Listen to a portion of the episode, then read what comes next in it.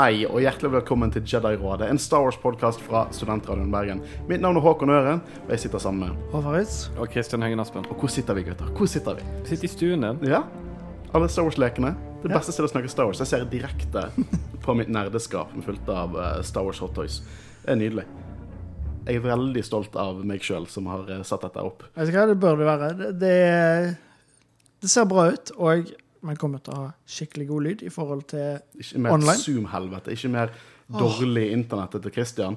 Dette er nydelig. Og det er et studio som ikke gynger, så det er nydelig for deg. Haha, ja. Det er Uansett. good one.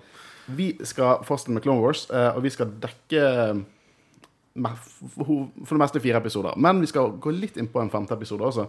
Eh, Disse episodene er da begynnelsen på sesong fem.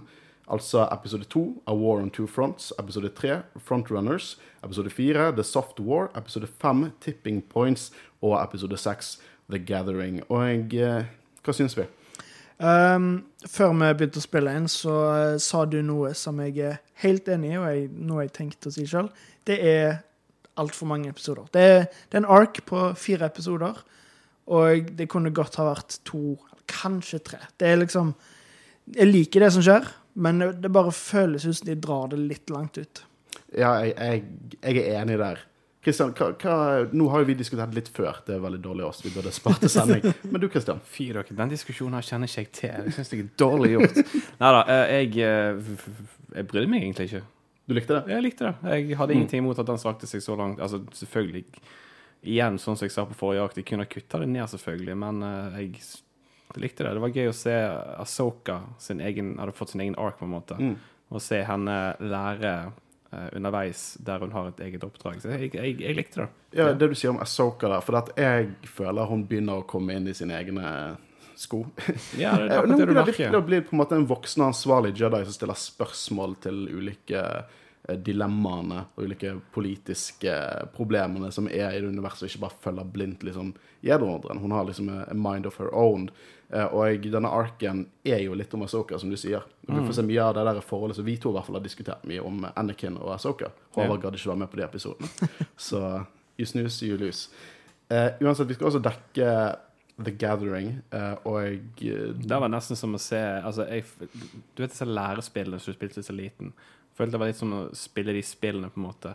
Det var veldig veldig sånn for unger-episode. Ja, det, det er en, egentlig første episode i en ark som er veldig for kids. Men det er ting å ta tak i der. Spesielt hvis du er fan av Jedi Fall Order, så jeg vet i hvert fall du er. Illum?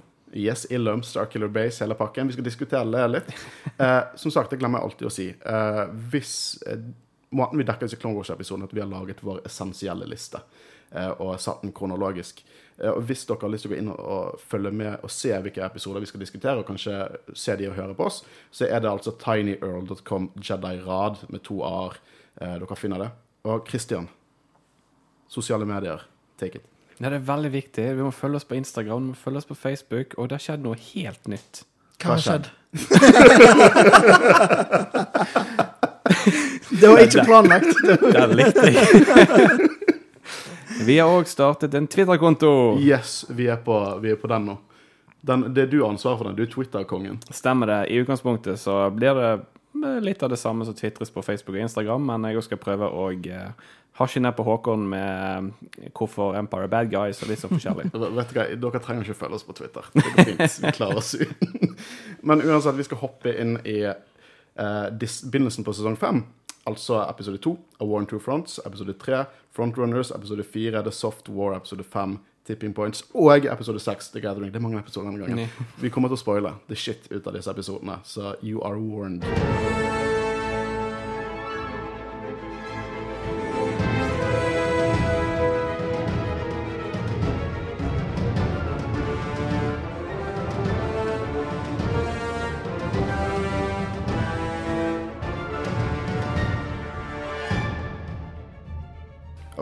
Så vi skal kaste oss ut den første episoden her. Ja, vet du hva først? Det, nå har vi hoppet inn i sesong fem, og eh, grafikken og animasjonen er betraktelig bedre.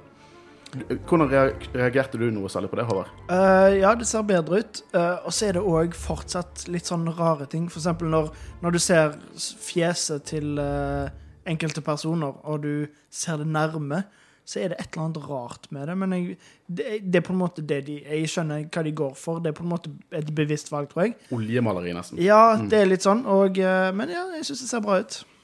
Hvis du hører litt swishing og sånn, så er det samboeren min, Guro, fra Potter, tidligere Potter-generasjonen, eh, som eh, går rundt og har en fotoshoot til oss. Jeg synes vi kan være meter. Vi sitter i stuen min. Vi bare liksom, ønsker alle velkommen i stuen.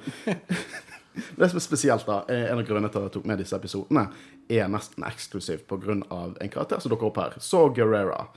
Og jeg eh, forventet du å se gode gamle Saw i denne episoden. Nei, det gjorde jeg ikke. Og uh, vi så jo han en, Du så han. Nei, men altså, vi så jo Så han så. Ja. Så jeg Så, sier. så. Ja. Vi så, så. Han vært med en bok med en person som het Has. Så Has had, had seen Saw. Star Wars-navn, altså. Men, Men jeg- altså, vi så jo at det var eh, en person, men vi hørte ikke navnet med en gang. Jeg kjente han ikke igjen. Nei, nei. Jeg, jeg syns det er litt rart. Jeg liker veldig godt uh, så i, uh, i Rogue One. Men det er ganske mye som har skjedd siden den. Ja, hva skjedde med han? Hva skjedde med han på 20 år? Eh, men det er jo en, en kul historie bak dette her. Jeg vet ikke hvor mye dere fulgte med når Rogue One var på en måte markedsføringsprosessen, men jeg husker at, eh, at det ble fortalt at Saw Gerrera skulle være med, og at det var en karakter de tok fra Clone Wars. Eh, og de ligner jo ikke i det hele tatt. Eh, sånn karaktermessig. Hallo, vi snakker aldersforskjell her. Ja, ja, ja, men det, det som, de, de ligner karaktermessig. Jeg føler det er mye Ja. her som de har tatt videre i Rogue One med hvordan karakteren er. Han er veldig aggressiv. Warmongering, nesten. Men det som er gøy, for han dukker opp i Rebels også. Han dukker opp i Jedi Fall Order. Ja. Eh, han er en, blitt en sånn stor karakter innenfor Star Wars canon. Eh, men han endrer farge på øynene hver gang han dukker opp. Jeg skjønner ikke helt, for her har han blå øyne. Eh, og han har brune øyne i Rogue One. Men i Rebels har han grønne øyne.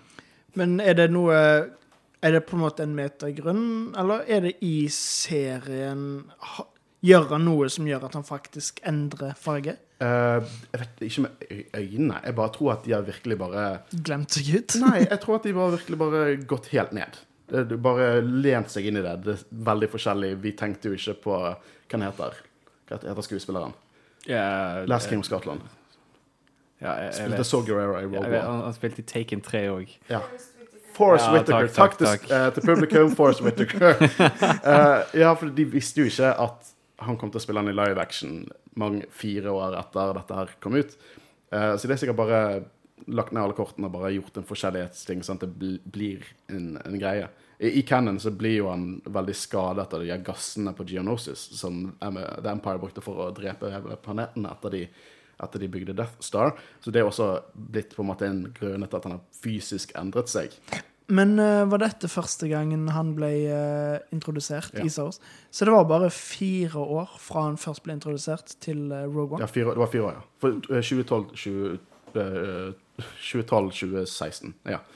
Eh, skulle du si noe spennende? Ja, nei, jeg- ja, jeg skulle jo egentlig hoppe inn med noe. Hoppe inn med noe? Ja, jeg ho- hoppe inn med noe. Nei. Åh, det er godt å ha denne, denne liksom dynamikken face to face også. Det blir så vanskelig å gjøre det over digitalt. ja, men i likhet med det du sier om at Sagarera er viktig for den uh, arken, så syns jeg òg per definisjon at det er Asoka sin ark. Men Mm.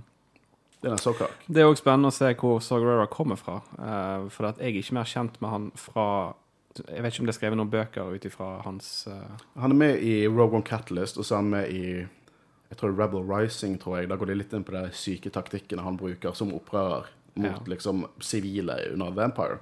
Han, han er en bad dude. Han er en bad dude som jobber tilsynelatende for the good side. Så han er en interessant karakter. Ja.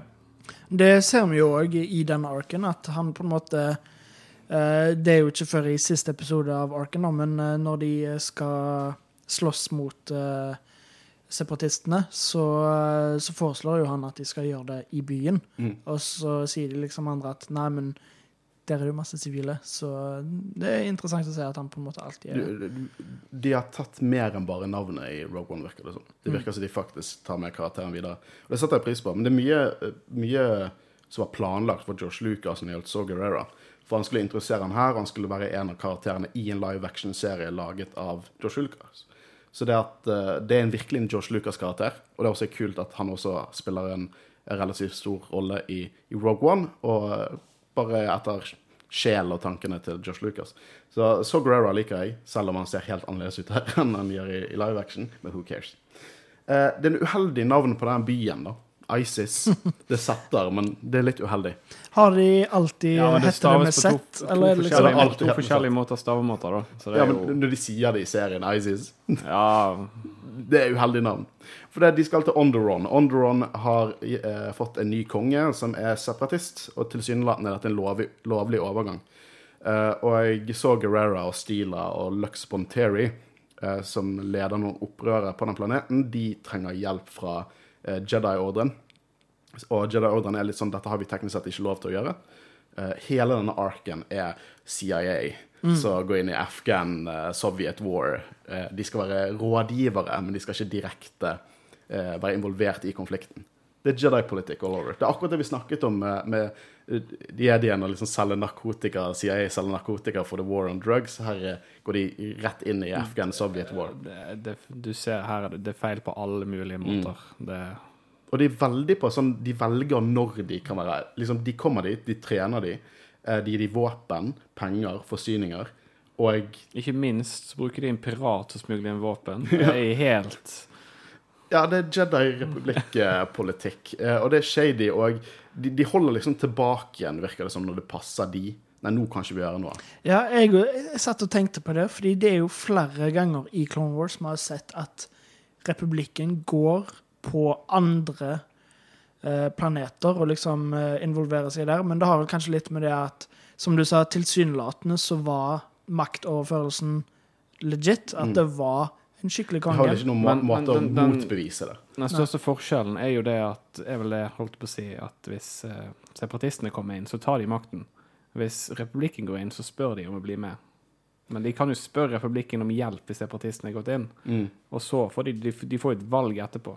De Ja, blir jo ikke tvunget med i likhet med separatistene. det, er, det er to sider av samme mynt, separatistene separatisten og republikken. mener jeg. Og til og med senere i episoden så sier jo eh, han liksom kongen som har blitt eh, kastet over, kastet over.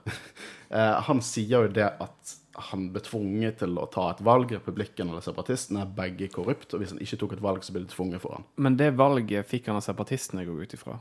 Ja, han fikk, eh, Republikken spurte om de ville være med eller ikke, men separatistene sa at enten så blir du med oss, ja, det, eller så blir du tatt til jeg er fange. enig at separatistene er mer brutale på Ja, dette. her. ja. Eh, men jeg syns republikken er ikke helt uskyldig her heller. Og det syns jeg er noe som er kult med Clone Wars. At det er på en måte liksom alt det der med rådgivere og sånn. Ja, for ja, ja.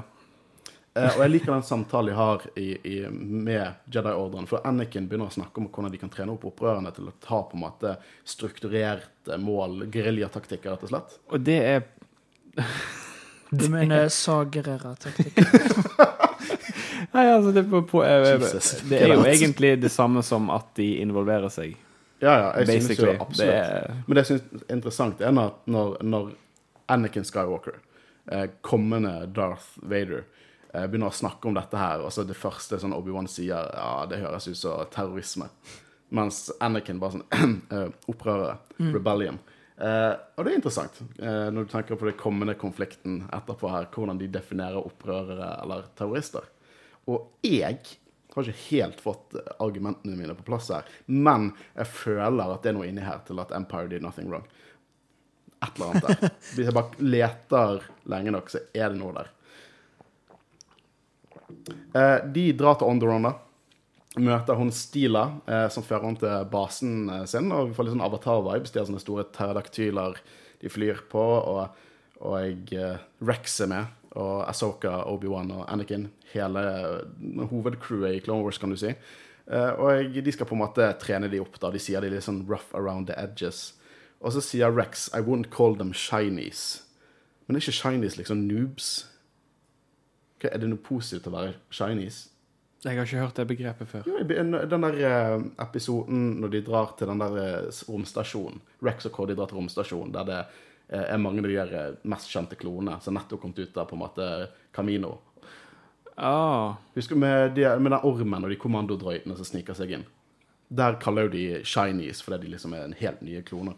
Den har kanskje òg litt med at det er kloner de snakker om, som de er på en måte Noob-kloner er ja, ja, men òg klonene er blanke ark som er beregnet til å faktisk bli trent opp til dette her, mens dette er bare er masse random folk som, eh, som overhodet ikke har noe med kamp å gjøre, men de er der bare for å Ja, fordi det er noe de føler de må. Mm. At, um, Nei, jeg, jeg er ikke enig med den.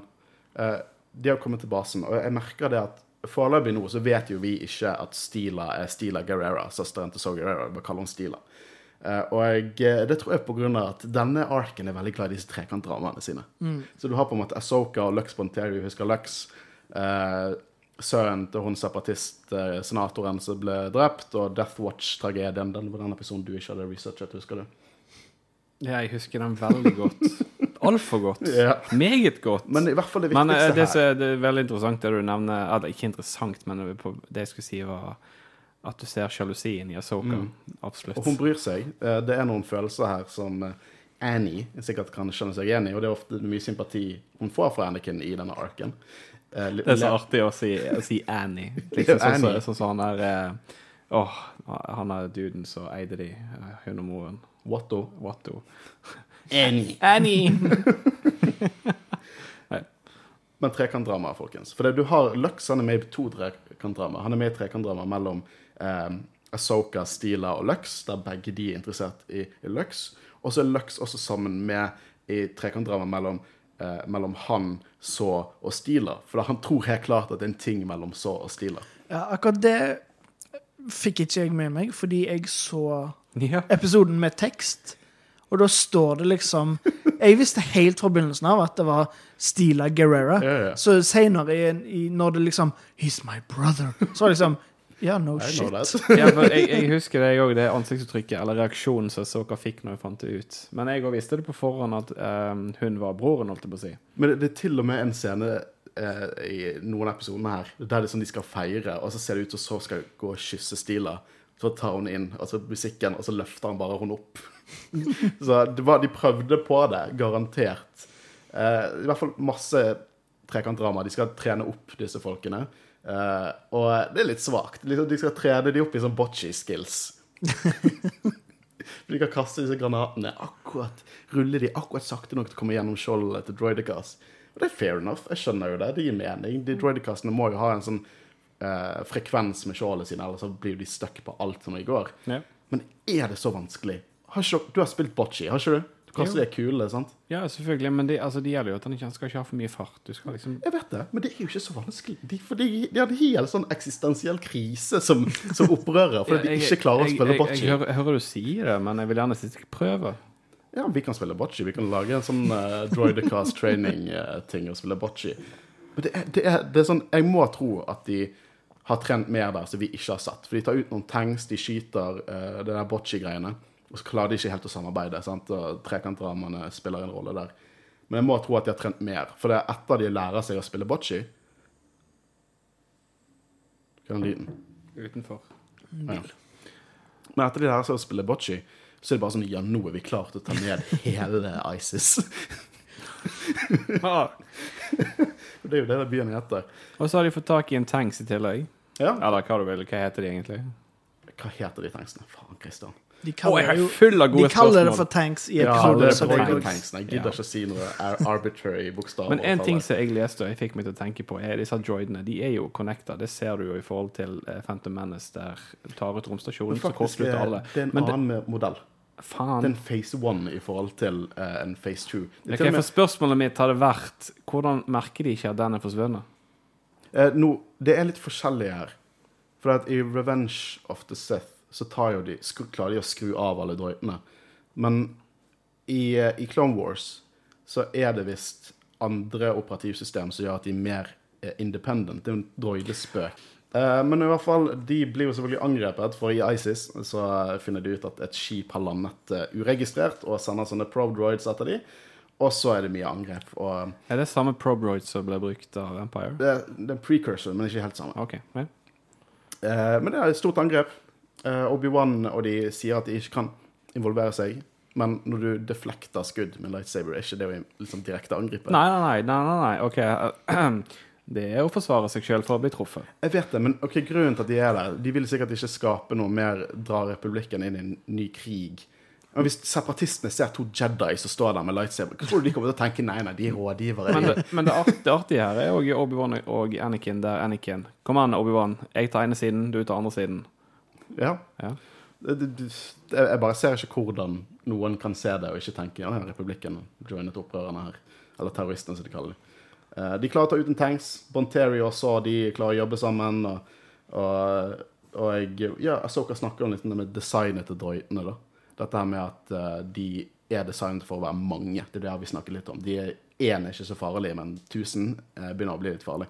Og det er litt kult at de faktisk anerkjenner Ja, for det de eh, ikke utgjør i trussel, utgjør de i tall, rett og slett. Det Mm. Ja er jo helt Det er klart som tydelig i løpet sovjetiske av tanks under andre verdenskrig. Ja. De er dårlige, men det er sykt mange av dem. Og sovjetiske soldater. Og sovjetiske soldater. Og sovjetiske Nei, kuler var det Hvis vi skal eh, disse noen i, i eh, verdenshistorie i krig, så tror jeg vi skal snakke om Frankrike.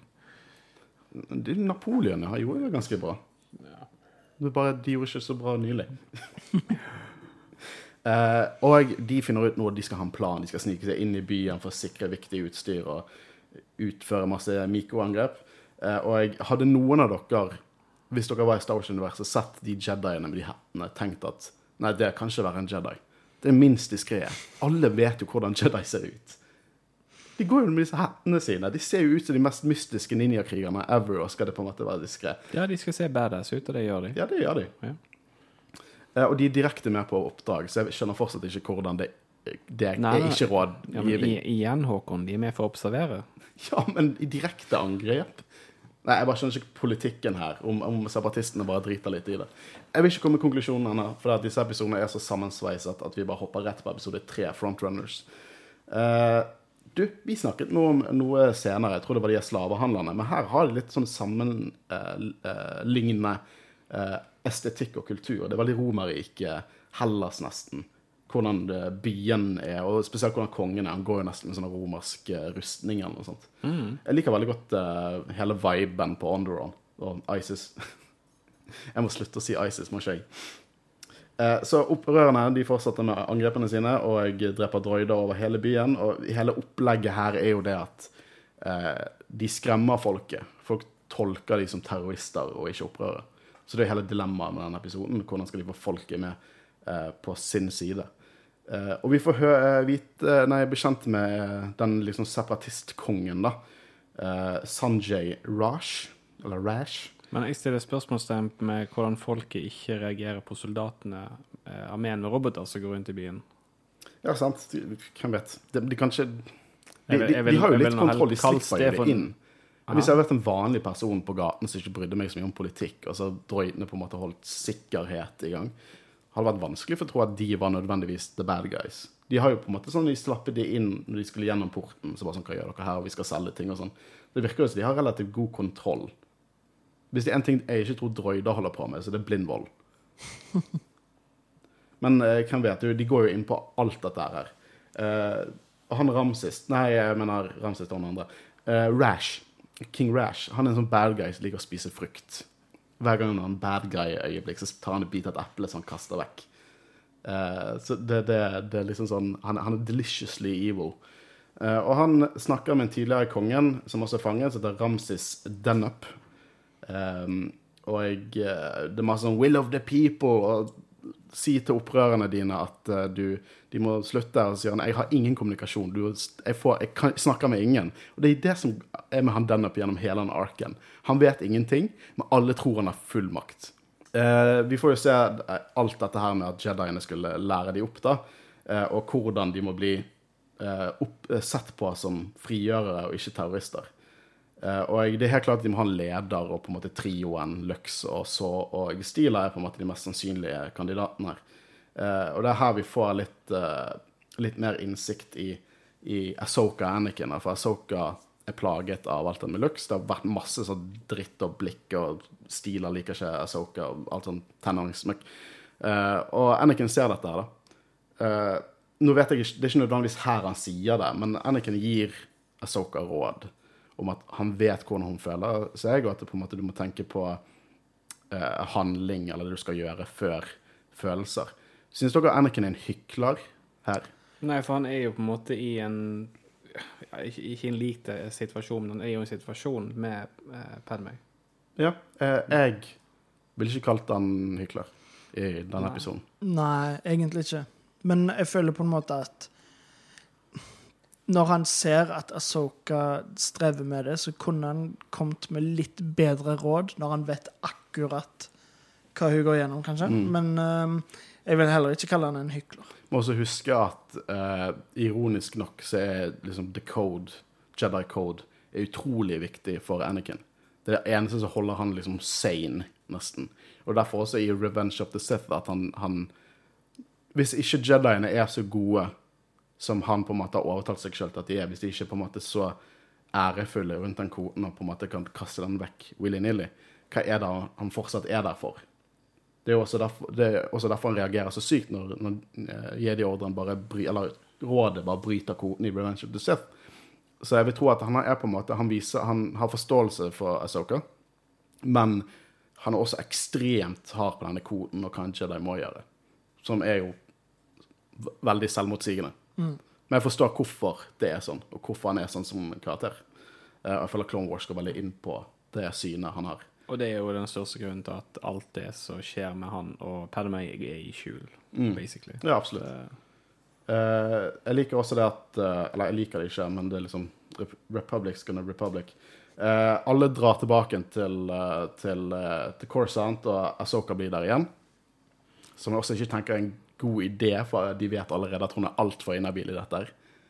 Jeg tror Obi-Wan det er han som burde vært igjen. Obi-Wan hadde vært den minst sånn Han er, han er en god lærer. Han motiverer de gjennom hele forrige episode. motiverte han de, Ga de råd. Eh, og han er ikke forelsket i sånn en tredjedel av de som er der. Og han er ikke Anakin Skywalker. Men jeg føler òg at det må på en måte være et litt bevisst valg, fordi de vil at Asoka skal lære ting òg. At hun skal få oppleve ting og oppleve motstand og Garantert. vanskeligheter. Sånn at det på en måte Jeg vil i hvert fall tro at de ser på det også som en mulighet for henne å lære.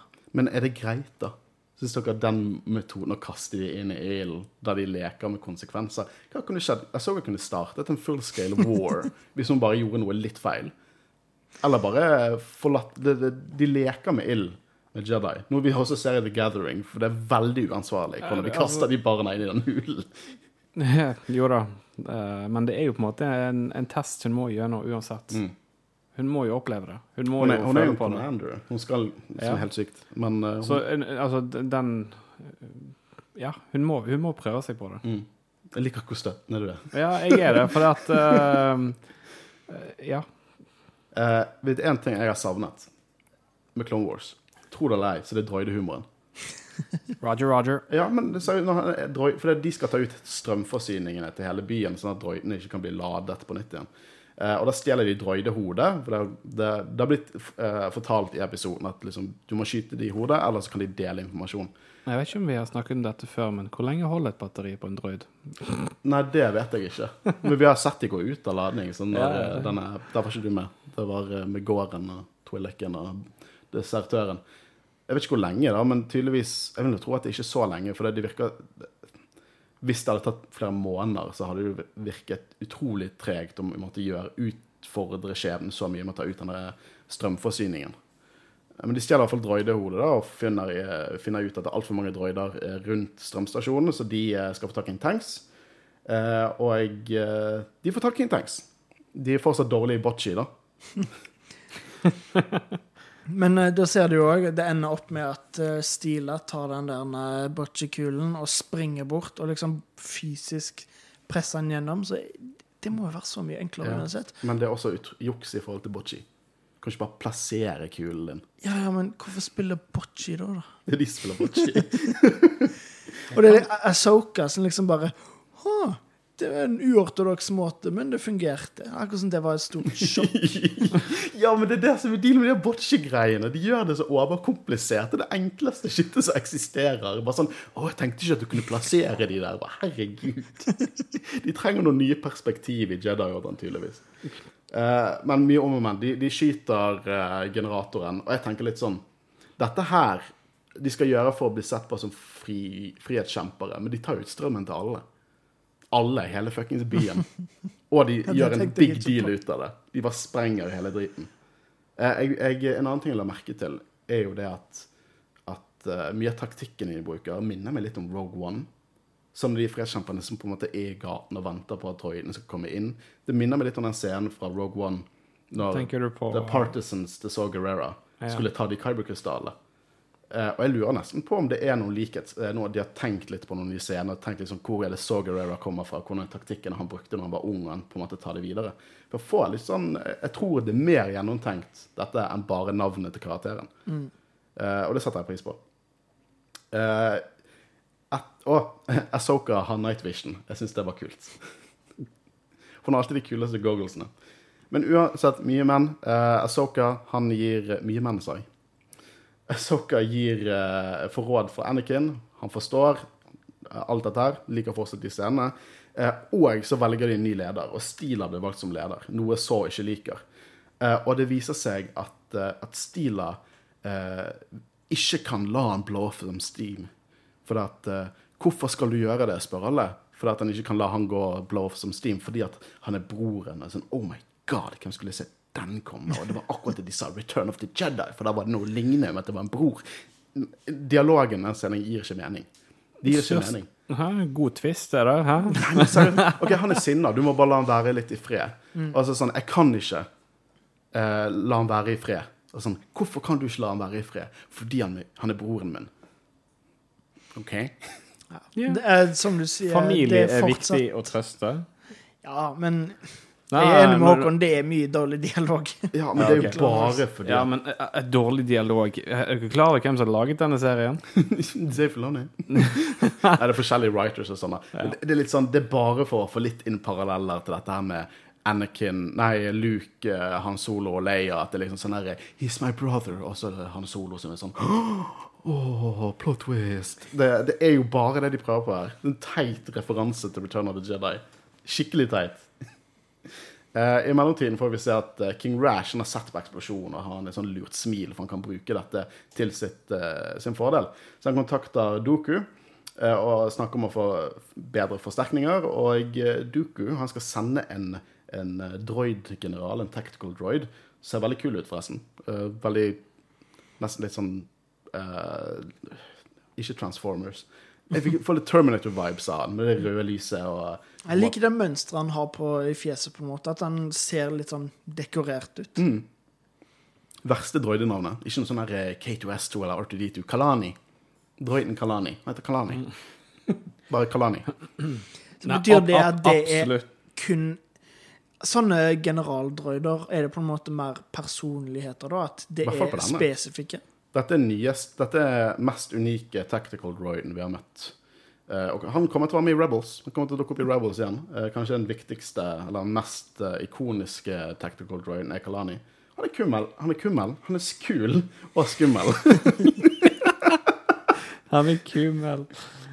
ja, beklager. Jeg Nei, nei, nei, det, nei ja, men det, det, det, det er gullkorn, det der, egentlig. Ja, Han er kul, han er bare Jeg syns han bare var Du likte ikke han? Jo, jo, jeg likte han. Han var bare veldig um, Hva er ordet jeg lette etter? Kummel? Jeg skulle Jeg skulle, jeg skulle, jeg skulle. Vi må sample det, bare si det sånn. Kummel. Kummel. Eh, Men vi må ta det på en T-skjorte. ja. Uh, jeg skulle si at han, han er veldig sånn her uh, Cocky, på en måte. Mm. Ja. Ja, han er, Han, det, det er han, mye han, emotion. han er sjef, liksom. Ja, ja. Det merker du òg når han bare blaffer av pistolen etter han åpner kjeften, han er kongen. Men det, det kommer vi til. Det skal skje. Ja da. Det, men eh, nei, jeg, jeg liker Jeg, jeg syns det er kult. Eh, og jeg, det du snakker om at han bare skyter kongen, det er awesome. Jeg Ja. det. Og det er ingen grunn til det. Det er bare sånn her, fuck deg. Eh, men neste episode er Soft War. Det er flere separatister på Onderon, og vi ser liksom sånn geriljaangrep, eh, Guerrero-angrep, som dere likte å si. Eh, og de driver med propaganda, så kaster ut full av sånne hollow recorders. Og så er det Stila som holder en tale for liksom å eh, samle folket, da. Og vi får litt mer innblikk i Kalani og King Rash. Og en ny spiller her, General Tandin eh, fra The Royal Onderon Militia. Og det er litt sånn type, Jeg liker den eh, tropen der, at du på en måte har Det er litt sånn Game of Thrones-y. For du har på en måte den han på en måte Royal General som på en måte skal følge loven til punkt og prikke, og følge på en måte kongen, fordi kongen teknisk sett er konge. Jeg elsker at du sa Game of Thrones, for at kunne det vært jeg, jeg, Når du nevnte det, så tenkte jeg på én karakter som kunne ligne på han, og det var Sir Burston. Ja, Sir Bereston. Ja. Får skikkelig Sir Barristan-feels av, av han. Og det syns jeg er kult. Vi får nesten ikke nok av han. Han har kult design, kul, eh, det er bra spilt. Det, jeg liker General Tandon. Eh, og jeg, det er veldig liksom Jeg hadde ønsket at han var med for at det er så mange episoder av arken. Det er altfor mange episoder av arken. Hvorfor er han bare med i to episoder? hadde vært så kult å på en måte istedenfor For han kommer jo til å bli good guy, men å få se han fra liksom første episode i Arken og bare se at han mer og mer sliter med dette her, jeg syns det er litt tapt potensial. Helt enig. Og jeg elsker uh, Selmy. Selmy er awesome. Synd med sesong åtte. ikke at han hadde så mye med det. Han ble drept offscreen. Er ikke det helt fryktelig? Han er jo ikke død i bøkene det Nei. Men Wow. hvorfor, hvorfor dreper de han offscreen? var ikke meningen å spoile det, forresten. Nei, jeg vet ikke om det er så mange som har så lyst til å lese Game of Thrones nå for tiden. Hva var det du spurte om? Uh, nei, det, det var bare om Game of Thrones. Vi kan Ah, egentlig ok. hoppe tilbake til Star Wars, skal vi det? Nei, Ja. Ja. Så hele dealen er at eh, de driver og plager eh, gamle kongen uh, Dendup. Dendup. Åh, det er så dårlig navn. Uh, Ramses Dendup. eh, og fortsatt sånn her Å, slutt å sende terroristene! Og så sier han akkurat det samme. The will of the people! Det er ikke jeg som gjør det, det er dere som suger. Eh, så de skal løse dette med å henrette kongen. Eh, og Stila har lyst til å redde han eh, rett før han blir henrettet. Altså public foran alle, lage et stort display som på en måte viser det at de er the good guys. Men så så har lyst til å fikse det helt sjøl. og eh, selvfølgelig er folk uenige med han. eh, og eh, Stila også har problemer med autoritet. Eh, Det virker ikke som han følger søsteren som leder, og ja, mye tull der. Jeg liker også det at når eh, Lux og Stila er i et rom sammen og prøver å planlegge dette her Nei, men det, det, er jo veldig forståelig, for at han ville jo Altså, fra første episoden så reiste jo han fram som at han ville lede den der rebellen, eller terroristen, eller hva enn du vil kalle det. Men det er jo derfor han sliter nå med at søsteren har fått kommandoen. Men av hvilke grunner? For jeg føler at Saw Gerrera er veldig egoistisk. Jeg føler at Ja, men han, han, han følte jo det at han var den som skulle lede disse her til seier. Men vil han lede de fordi at han vil vinne, eller vil han lede de pga. hva det gjør med han som person, den makten han får som person? Tenk litt på så gjennom alt vi har sett så. Jeg vil ikke si han er så mye ute etter makt, for at du ser jo når han prøver å redde kongen, eh, som vi kommer til Det er jo ikke akkurat en uh, egoistisk uh, Nei, det er jo ikke det, men han er jo Action. på en måte som warmonger. Eh, Ut ifra sånn jeg kjenner så, så. så, Selvfølgelig. Og jeg, jeg tror han sikter mot å bli en høyt etablert general eventuelt i folket sitt. Men det, han, han sliter liksom for det om med at søsteren har fått makten fordi han trodde at han var den som skulle Mm. ta dette her. Så jeg, jeg føler mer på den måten. Jeg føler ikke at han er en eh, det du kalte han. Jeg, jeg bare, jeg, jeg liker så. Jeg syns så en utrolig interessant karakter. Jeg føler han er Han er på måte Han er Darth Vader for Rebels. Han er en ekstremist. Eh, og han kan hende at han, i hvert fall når han var så ung, at han hadde gode hensikter, men jeg føler at han mister, mister det gradvis og gradvis. Og det kan jo godt hende pga. det som skjer i denne arken. At han mister hodet sitt litt. Det, det tror jeg er Det tror jeg er godt mulig. um, ja, det var Lux og Stila som flørta litt. Og Lux han tar sin beste Hayden Christensen-etterligning og stirrer creepy på henne. Eh, og så sier hun eh, 'ikke se på meg sånn'. Og vet du hva Lux gjør da, Hayden? Eller Anakin? Han sier 'beklager'. Han smiler ikke og sier sånn derre «Hei». Og det er sånn du skal oppføre deg. Ja, det er sånn du skal oppføre deg. Du skal ikke være den creepen. Jeg må bare få ut den Hayden Christensen av hodet. Du får aldri ut Hayden Christensen fra hodet. Uh, Asoka rådfører seg litt med, med jediene sine. Uh, Aniobi, eller Kenakin. Uh, jeg visste du kom til å like den. Så hele, hun er bekymret for hva de holder på med her. Hun skjønner ikke hvordan de kan risikere hele, hele operasjonen for å redde én mann, selv om det er en konge. Eh, og hun føler seg svært ansvarlig for dem. For at han er et symbol. Ja, det er det de sier. Det er jo det som er hele poenget. Det er. De, de må redde ham, for at han er et symbol på at de, ja, det de prøver å gjøre, å frigjøre Mm. eh, Andron fra separatistene. Kan jeg bare påpeke eh, hvor ukreativt navnet Onderon er, men Jeg liker Onderon. Eh, før eh, Fordi jeg tok ikke tekst på, Onderon! tok ikke tekst på med en gang, så i begynnelsen så trodde jeg det var Alderon. Ja. Men kom, an, når vi har Dantuin, Klatoin, Tatooine, så fungerer o- Onderon. Ja, ja, det fungerer. ja, fair, fair, fair enough. Men ja, hele poenget er at han er et symbol, og det symbolet er viktig eh, å ha for eh, rebellion. Ja, for å få, Det er jo det de snakker om, å få folket på sin side, så burde Ja. de ha den på en måte den elskede, undertrykte kongen Ja. eh, på sin sin side.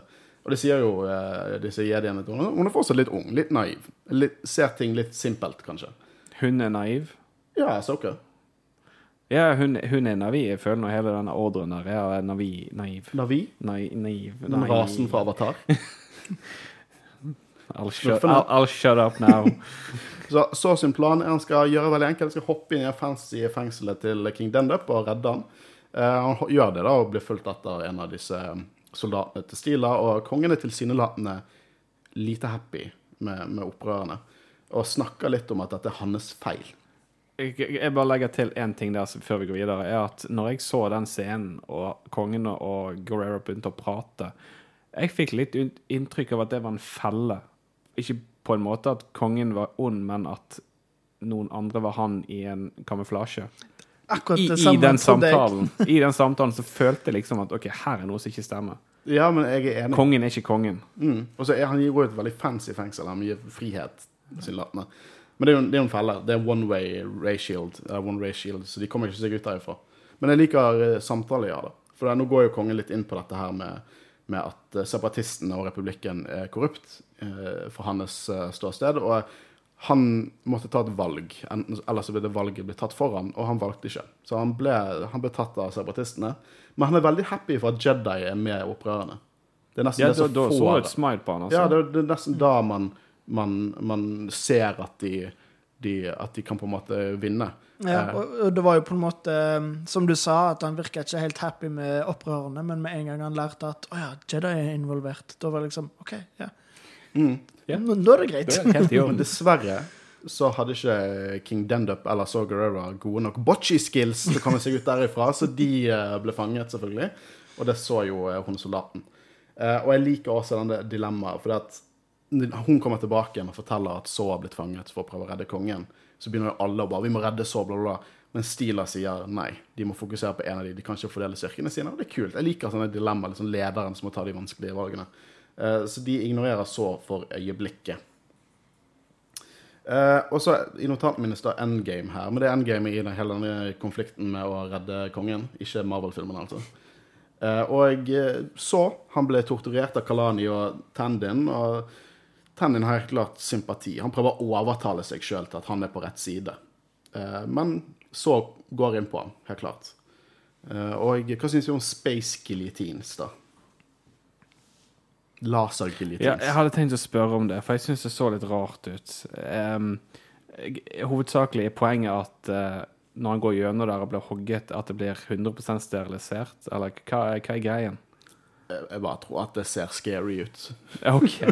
det må jo det, det er jo ikke en effektiv device de Nei, bruker. jeg, jeg bare lurte på om det har noe hensikt, den her eh, veggen. Så han Nei, det, helt det, blir, det blir på en måte quarterized. Nei, I det så, så, i så tilfelle så så jeg ikke helt pointet.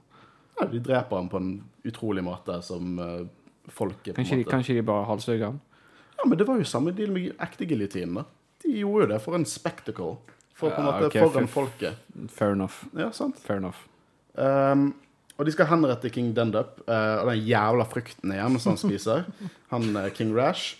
Uh, men så begynner jo opprørerne å komme fram og skal redde kongen, men de blir til slutt omringet av Kalani og Super Battle Droids. Hvem skulle se den komme? Og så tar du eh, rett opp til balkongen, og så ser du generalen bare stirre ned. Ja, han tenker på noe. Han tenker på noe. Så er det der også, by the way. Så de, de, hoppet, de, de fikk en freebie der. At han var på samme sted. Eh, og vi ser at Asoka hun begynner å blande, hun blande seg inn, men rett før hun får tid, så kommer King Tandem og kaller King Rash a snake og joiner opprørerne. Og holder kongen som gissel, og så kommer Asoka redde han, og de flykter, og kongen er trygg, og de skaper eh, håp. Og, eh, og Asoka informerer Kenobi og Obi-Wan, og det er usikker på om de kan få mer hjelp fra republikken. Og det var den episoden, og vi hopper rett videre til neste. Men- Skal vi det? Å ja. Eh, Nei, jeg skulle bare ta Jo opp da, eh, Nei, jeg, skulle, jeg ville bare ta opp spørsmålet rundt der Asoka faktisk blander seg inn. Mm. For der går hun jo forbi det hun skal lære. Mm. Hun hopper inn og redder generalen, for det er det hun tror på, men hvordan påvirker det det hun egentlig skal lære i disse episodene? Ja. Men Hun gjør, går jo imot alt det de har sagt nå. Men det, det er sånn, de er der som rådgivere, tilsynelatende, og så blander de seg. Og så bare sånn at vi må ikke blande oss. Så de, de på en måte, de tar aldri et aktivt valg. I, senere eh, i neste episode så blir folk skutt på, og Asoka står der bare sånn rett opp og ned. Bare sånn 'Jeg kan ikke blande meg. Sorry'. så hun har allerede blandet seg. Hun har Ja. aktivt angrepet noen. Men også, vi hopper inn eh, til siste episode i denne arken, og jeg, eh, vi får litt mer propaganda for opprørerne. Nå er det King eh, Tan Dendup. Ramsey Standup. Er det det han heter? Han oppfører en standup. Han tar en standup i Eh, der han på en måte taler til folket og snakker om at han ledet ikke disse terroristene. Han fant, møtte de nå, og, og disse er ikke terrorister, de er frihetskjempere, og join opprørerne. Eh, og de har fått en ny base utenfor byen. Flyvende dinosaurer, hele pakken. Eh, og her skal gjengen på en måte Det her er den diskusjonen du snakker litt om. Det med å, å, på en måte få ta kampen utenfor byen. Men så han vil gå inn i byen og angripe, fordi folkene har begynt å slå til opprør med å kaste frukt. Eh, så, så, så han, eh, han vil på en måte gå rett inn der. Og det virker som han driter litt i på en måte casualties, at eh, uskyldige kan dø. Heldigvis så er det autoriteter der som, som, som får de til å på en måte holde basen der. Og Stila blir gjort om til liksom overgeneral over hele fuckings driten. Og så kysser Lux og Steele henne. Håvard, hva følte du når de endelig kysset? Altså, Sam, du sam, på? Samme som vi følte når eh, Ray kisset. eh, kisset. Nei, så gale var så det. var det ikke. Men, òg, jeg, jeg følte det var litt sånn on the nose, liksom. Oh, in case we don't see each other again. Altså, liksom. Leia. Ah, okay. De ser ikke hverandre igjen. Noe kommer til å skje. Men Ahsoka gir han et lurt blikk, og så slår han i skulderen. Noe som alle gjør i Clone Wars hele tiden. Vi er buddies, da slår vi deg i skulderen. You go, boy. ja. Men hun har vokst, da. Hun har på en måte kastet vekk dette her og på en måte bare sluppet taket. Karakterutvikling, Kristian. Mm, ja. Eh, og Kalani og King Rash eh, de snakker litt, de har funnet opp eh, lokasjonen til opprørerne. Eh, vi får se nye eh, droid gunships, eller heavy missile platform droid gunships. De så jo vi i Revenge of the Seth eh, på Kashik. Så her får vi på en måte se de første gang i, i kronologisk, da. ja, og de har skjold rundt seg. Mm. Og de kan deflekte skudd. Men de kan ikke deflekte en fucking bazooka. Nei. Men det er vel kanskje med at bazooka i Star Wars er vel fortsatt en bokstavelig talt rakett. Det er en rakett. fysisk rakett, ja. Så da går vel den gjennom skjoldet på ja, samme okay. måte som uh, bokkakulene. Men så er det ulike frequency og hvor mye skjold tåler, da. Så det, ja, det er rask bokka. Boccia. uh, så eh, de, det, det på en måte Kampen starter jo fort, da. Det, de, for de finner de, de hopper rett på kamp. Det er ikke noe pause her. Og det, det er en kul large scale war. Jeg begynte å tenke sånn Vi går ikke sinnssykt inn på liksom detaljene rundt uh, actionscener, for det er litt sånn Det er mye. Men det er kult filmet. Det det er en stor skala. Det føles som mer budsjett enn de vi har sett i de tidligere sesongene. Mm. Og så er det god pacing òg, fordi det er på en måte I begynnelsen så ser det veldig bra ut. Liksom, de, de ser ut som de har en sjanse, og så plutselig kommer de der skipene, og så liksom Å nei, nå går det ikke bra likevel, fordi de er så kraftige og alt mulig sånn. Så det, ja, det er kult, uh, kule actionscener, og jeg har jo klagd så mye over at alt føles så veldig lite ut, men her føles det faktisk stort ut. Det er et stort slag. Akkurat det du sier der, litt mer spektakulært. Og jeg, jeg liker animasjonen som gjøres i disse episodene. Mm. er de Spesielt, spesielt denne. Bortsett fra når de løper. De klarer ikke å løpe. De har, de har ingen vekt når de løper. Til og med i sesong syv er det problemer når de løper. Det, det er min mening. jeg, jeg, jeg, må, jeg må se på Må se sesong syv, for det skal vi faktisk snart. Hæ? Jeg er ferdig med sesong syv. Ja, men du må se det på nytt igjen. Før, før vi skal Ja, ja, Ja, klart ja. det. Det blir bra, det. Men vi må komme oss gjennom dette showet først. Uh, så Ahsoka trygler jo rådet om forsterkninger. Det kan de ikke gjøre. De kan ikke blande seg. Som de har gjort tusen ganger nå. Har de spurt rådet? Nei, det, Er det bare, er det Obi-Wan bare Obi-Wan snakker. og Men de, de, snakker om, de snakker vel om rådet ikke har lyst til å gi dem mer, uh, mer uh, sjanser her, da. Så de sier jo bare, eller Obi-Wan sier at Soka skal bare prøve å redde seg sjøl, så mange hun klarer å bare komme seg ut av det. Og Anakin han liker ikke dette. her. Eh, og de finner ut at de kan dra til Hondo og Naka på Florum. Hondo, gode gamle Men hvorfor ikke Denne planeten her er jo nesten i Ikke, ikke sentrum av republikken, men han er, er, er, mellom separatistene. Men han er jo i krigsområdet, ikke han det? I Nå vet ikke jeg helt hvor han ligger. De sa jo eh, inner rim, i hvert fall. Så det, det er vel første gangen jeg har hørt det- det- uttrykk inner rim.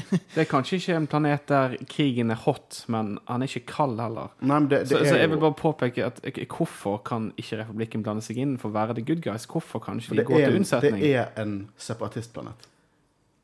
Ja. Men ja, jeg skjønner ikke hvorfor de ikke kan gjøre det. Men Ikke, det, i- redd uh, et folk som er okkupert? de vil vel ikke okkupert. lage en ny front. Ja, OK, den, den, den er for så vidt greit nok. Mm. Men hvis de skal være good guys, hjelp, og så trekk seg tilbake hvis ikke de vil være en del av republikken. Men Mm. hvis de skal være Ja, ja jeg har sagt det point. som er interessant her, når du tok dokumentene på det Dette er en separatistplanet. Onderone. Eh, hun, Mina Bonteri, moren til Lux Bonteri, var en separatist-senator. Som Bonteri også på en måte hadde lyst til å bli. Uh, og de var, der var, sep- var separatist da også. Så det er mye detaljer her. At de har vært separatister, men når ting gikk gale med liksom den nye kongen og sånn, var det før eller etter det? Det bare, det er, det er liksom, Du må holde eh, tungen litt rett i munnen når det gjelder hvem Ondron egentlig tilhører. Uh, men sånn jeg, jeg ser det nå, er jo det at det kanskje var bedre når Mina Bonteri var senator derifra, og så ble kongen erstattet. Men han var jo ikke en del av noen av de heller. Det er mye forskjellig om det. Det er nesten litt sånn ekte politikk her. yeah. I hvert fall, De er teknisk sett en separatistplanet nå, Eh, men så vil jo de gå over til republikken, for det, republikken er awesome. Eh, men de reiser, uh, reiser til Florum for å få hjelp fra Honda Onaka. Eh, for at han kan levere noe. For da, da, da kommer det fra en tredjepart, ikke nødvendigvis republikken. Veldig ulovlige greier, men Anakin og Obi-Wan de slår til.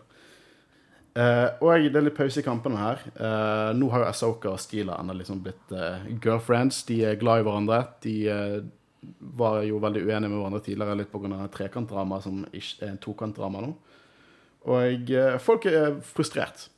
Eh, Er det trekantdrama? Nei, nå er det bare to av dem Men eh, folk er frustrert eh, over mangel på støtte for republikken, og det går litt sånn over Asoka. Eh, men det er, det er Stila som på en måte takker henne for all hjelpen hun har gitt. Og så dukker Hondo opp, kommer med CNR rocket launchers, og så stikker han med én gang eh, etter det blir litt sånn drama der. Jeg liker også at han bare prøver seg på Stila. Det var gode, gamle Hondo. Altså sykt lyst til å se han i live action en gang. Jeg, jeg vi kommer til å se han i live action. Jeg lover deg, Christian. Ikke se så jeg tviler på. Vi kommer til å se Nei, nei, nei, jeg håper det. Jeg har ikke sett Jeg har sett uh, bilder på Google der han er på en måte tegnet som live action. Uh, Book of Bobafett. I'm calling it. Ja. Hondo Onaka er med i Book of Ja, nei, jeg håper det. Han er en av de kule karakterene. Ja, jeg liker han. Han dukker opp i Rebels også. Vi får mye Men mer av han i Rebels. I, i Bo- Bo- Book of Boba Fett så håper jeg jo han der eh, cowboyen dukker opp òg. Jeg Ja, sier cowboy, jeg jeg ikke husker det. navnet på han. Cad Bane. Cad Bane. Jeg skulle gjerne sett det òg. Uh, basen er under angrep, da, eh, og de må redde kongen. Eh, men de klarer nå å ta den ut i gunshipsene. Mye ting skjer. Og jeg så skyter De angriper kongen. Steeler skal redde kongen, og så skyter uh, så ned i gunships og krasjer på de sånn at de faller, og så Stila dør. Selv om Asoka prøver å redde henne, så går det ikke. Hun dør. Og dette var en grådig, dramatisk og filmatisk død. Det var det. Og jeg tror det er første gangen i Clone Wars i hvert fall at jeg har følt noe på den måten når en person dør. Fordi som regel så er det liksom bare Ja, det er kloner. Det er litt uh, I noen av de klonene vi møter og blir bedre kjent med, så har det jo vært dødsfall der som jeg på en måte Altså Echo. Ja, åh, ikke minn meg på det. ja, men uh, det er liksom Det er ikke så ofte, men når det er noen sånne dødsfall, så treffer det liksom ekstra Mm. hardt. Mm. Kanskje det hjelper at det har vært fire episoder på det der. Kanskje Det hadde du ikke truffet kanskje like godt hvis det var to episoder. Ja, det er sant. Motargument mot min egen uh, mening. Uh, men det, eh, gjennom hele denne episoden, eller denne arken, de bruker shaky cams. Og det er mye mer avansert kan jeg kalle det kamerateknikk enn animasjon. Skjønner du hva jeg mener? Eh, Det, det, det er bedre utført, selv om jeg fortsatt synes det er litt for mange episoder. av Narcan. Så er det veldig bra utført. Det ser bra ut. Fargepalette, animasjonene, skalaen av krigen. Det ser dritbra ut. Uh, og nå får vi den favorittscenen din. For at, uh, de har på en måte vunnet her. da Og Kalani og Duku de, de snakker med King Rash, og det, Kalani sier at dette tar for lang tid. De bør bare trekke seg ut. Og det er det de gjør. De skal trekke seg ut. Og så bare tar Kalani og skyter King Rash. Og de skal allerede trekke seg ut, Ja, så men det- hvorfor det- skyter han? Det er liksom, eh, for det siste han sier, er vel om han kan få mer tropper, ikke noe sånt? Mm. Ja, og så bare Kalani bare Jeg lurer på om du- ikke hintet til at han skulle skyte han, han bare gjorde det av eget initiativ. Det kan godt hende. Jeg håper han gjorde det egentlig. Han var jævlig lei. Og så får vi den begravelsesscenen. da. Eh, Steela er død, men folk er samlet, og Soka er sånn at What cost did we win? De er typiske Clone Wars-avslutningene du er glad i. Eh, men nå er Lux han er for republikken og på en måte nå er folk er samlet. og Han er nyeste senatoren av Onderon, og de skal tilbake til republikken. Og alt er fred og gammen. Og det var Onderon-arken, så Guerrero-arken, Steela trekant-arken. Hva syns vi?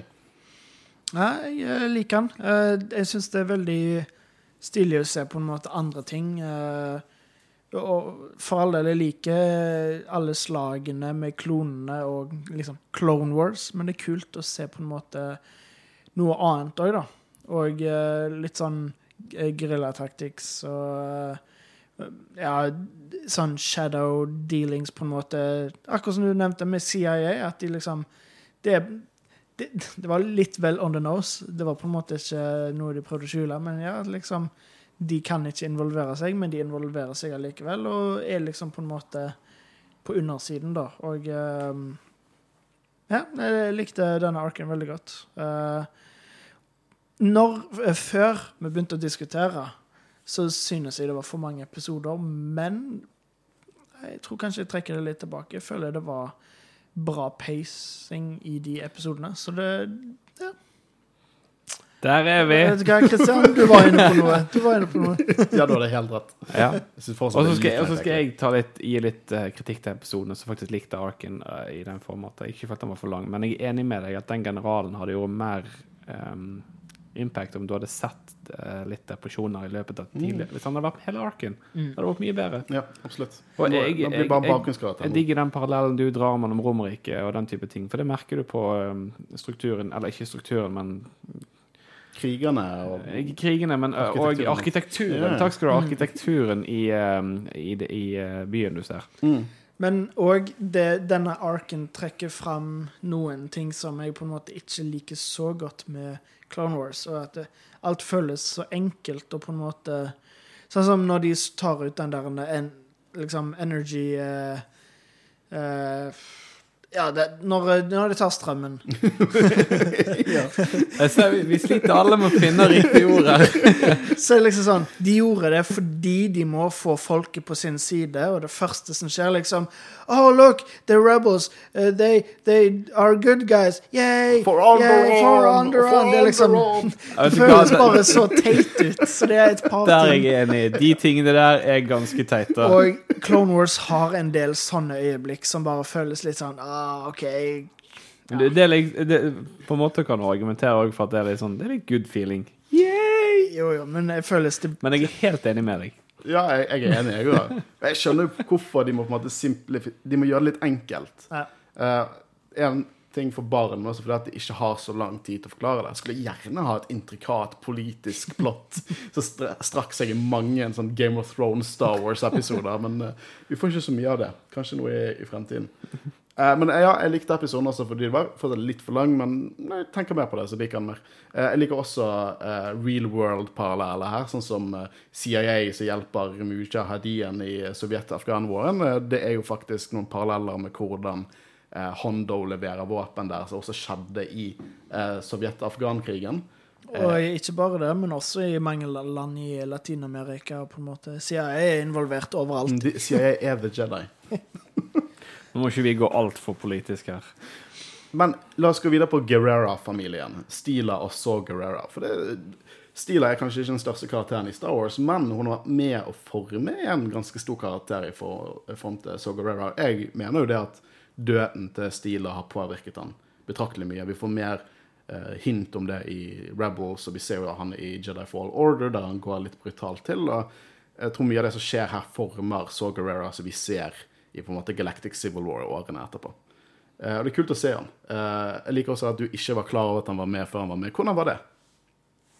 Uh, nei, jeg likte han. Veldig kjekk introduksjon. Og eh, jeg var jo klar over at Saw Gerrera er en karakter som vi har sett Eller som er med i canon før Rogue One.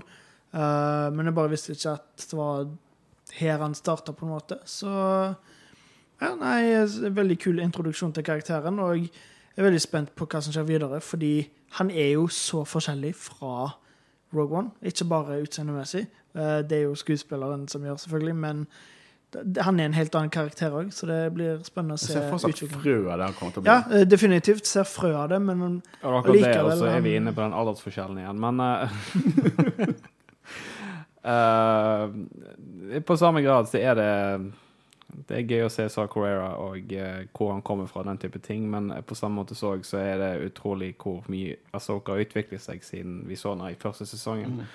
Og det er veldig gøy at hun får en så lang ark der vi kan eh, følge henne litt mer enn vi gjør de andre. Det er helt enig. Spesielt hennes forhold til Anakin litt basert på lignende følelser som de begge strever med. Eh, det syns jeg er forfriskende, og det gir, det, vi får mer innblikk i hvorfor Asoka er så sykt viktig for Anakin, og vice versa. Eh, dette er helt klart en essensiell ark. Dette er viktig å få med seg hvis du skal se Clone Wars. Uh, selv om de kanskje er en episode for lang, så er det utrolig viktig ark. for utrolig mange forskjellige hendelser de- innenfor de største karakterene i Star Wars, og de litt sånn C-karakterene som så Guerrera.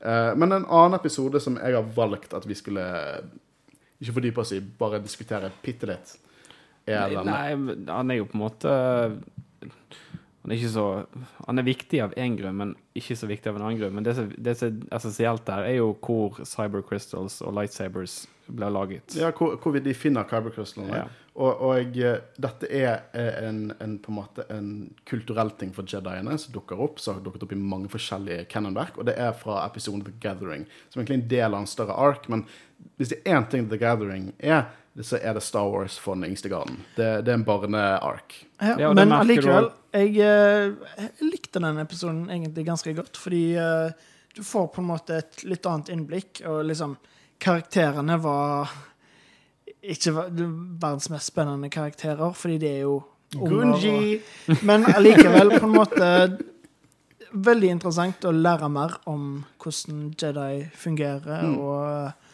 og ikke bare hvordan Jedi fungerer, men hvordan liksom, på en måte forholdet mellom Jedi og Padawans er, og alt mulig sånt. Så jeg, jeg må innrømme at jeg, jeg likte denne episoden bedre enn jeg forventa, fordi du sa jo til oss på forhånd at det bare var en liten del av episoden som var verdt å nevne, men Mm. jeg, jeg likte den. Den er veldig interessant, og den største grunnen til at jeg mener denne her er mer eh, beregnet for kids, er jo fordi at han lærer seks viktige lekser som eh, er enkel å forstå og ta med seg videre. Um, men på samme måte så er det også interessant å se hvor, um, hvor lightsabers blir laget, og hva de må gjøre nå for å få det til. For det de gjør, da, er jo at eh, det er Yoda og Asoka som tar med seg eh, en gruppe younglings eh, på Illum. Illum er jo en planet der, som er veldig naturlig sterk med The Force, og Kyber-krystaller annet gror der, eller vokser der. Så de skal ta dem med og ta liksom, denne her religiøse, nærmest, prosessen å finne sin Kyber Crystal. Sende de inn i sånn istempel, og så sier Yoda at hvis det stenges, hvis det fryser over, så kommer ikke dere ut igjen. Men han, dette er jo Illum. Det er Starkiller Base. Det kommer til å bli Starkiller Base. Vi ser Illum igjen i Jedi Fall Order. I den, det oppdraget Jedi Fall Order er jo som å spille i denne Clone Wars-episoden. Ser helt identisk ut. Hvordan er iskrystaller blåser, uh, smelter ting. Uh, og Illum er viktig for, hele, for i hvert fall en av eh, episodene i sequel-trilogien. Det er jo Starkiller Base. De bruker Starkiller Base fordi at det er som den naturlige styrken med kyberkrystaller og sånne ting. Eh, det ble til og med nevnt i Light of the Jedi. Da snakker de om Illum, og younglingsene fikk sin kyberkrystall. Det er en viktig del i forhold til Jedi-kultur, og du får den følelsen, disse store statuene. og uh, det er veldig sånn Det er en prosess som sikkert Yoda tar med mange younglings gjennom uh, hvert år. Eh, og det er interessant. Men uh, hvor gammel er egentlig Asoka i denne i, Altså på dette tidspunktet i serien? 14, kanskje? Fordi hun kan ikke være så mye eldre enn de, og så er det hun som blir tatt med som en Hun er, hun er, hun er nok Hvor gamle er de, da? Vanskelig å si. Altså. åtte-ni Men altså, i det forhold til at hun ble tatt med Hun er jo fortsatt en padawan på dette stadiet Mm. her, men uh, hun har jo vært på det stadiet, stadiet de var. Mm. Og da er det kanskje greit å ha Du har én mester, men Men du camp har counselor, Hey. hva var det du skulle si? Nei. Jeg skulle bare si det at da kan det kanskje være greit å ha med en som nylig har vært gjennom det, som kan på en måte tilnærme seg de ungene bedre enn to masters ville gjort. Det er for så vidt sant. Eh, og så vil jeg bare Og Jorda er wildcard. Du kan ikke Jo. bare stole på han. Jo, det er wildcard. Ehm, nei, jeg glemte hva jeg skulle si. Ja, vær så god. Men det, det er en interessant eh, episode for meg, seg. Uh, Jo, jeg skulle si det. Eh, det som fascinerte meg òg med denne episoden, var det holdt på å si, det, det lille runde tempelet de går inn i før de går inn i grotten, Mm. der du sa disse statuene. Uh, er- er de noe Ikke noe definert hva de er, annet enn bare gamle Jedi-mestere. Okay. Så det, det er ikke noe spesielle. Men vet du hva, det kan godt hende at kanskje Light of the Jedi eller, Nei, eh, High Republic går inn på noe med Illum. Jeg skulle gjerne sendt med. Jeg skulle hatt en bok om Illum. Jeg. Ja. Et dritinteressant eh, sted i Star Wars. Eh, men det er viktig å få med seg videre i den arken det er noe sirkus og noen pirater og General Grievous dukker opp. Så ja det eneste som er kult, er at når de bygger lightsaberne sine, så har de en sånn Old Republic-droid spilt av David Tennant. Eh, som på en måte, Han er Ollivander bare fra Harry Potter, bare i Star Wars-universet. Jeg liker at eh, du nevner Ollivander, for det var et veldig kult konsept med på en måte at de måtte finne sin Kyber Crystal. Det var Kyber Crystalen det, det er den som på en måte velger de, det er ikke de som velger Kyber Crystalen. Så det var et litt kult konsept. Så det er jo utrolig at når, når nylig de For noen par års de inn på dette med Kyber krystaller, at de på en måte levner sterkt med The Force. Eh, og det var mange som var sånn Å, så teit. Å, det, det, å. Men denne episoden understreker jo at de er sterke med The Force. De velger de. Det, det er noe mer med de, og jeg synes det er utrolig mye kulere at Kyber Crystal fungerer på den måten. Så de gjør at de velger sin Jedi. At fargen er basert på hvordan man bruker The Force. Mye mer interessant. Digger det. Og i episoden etter så tar Gunji, Gunji, Gunji Wookie-jedien og lager seg en lightsaber ut av tre, som jeg synes var litt kul. Håndtak, liksom. Selvfølgelig fordi han er en Wookie. De bunch of hippies. Men uansett, Alltid- det var alltid The Gathering. Nei, nei, siden du nevnte det, så hadde jeg bare tenkt å si det med den Wookien, at eh, det hadde vært dødskult å se Chewbacca med en lightsaber i hånden. Men det er jo en, eh, en karakter i Light of the Jedi som er en Wookie med lightsaber. En karakter jeg liker veldig Ja, men nå snakket jeg om Chewbacca. Ja, men Chewbacca kan ikke noe.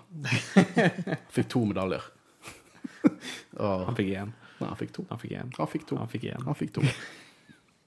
Og det var The Gathering. Det var The Gathering, og eh, Ja, vet du hva?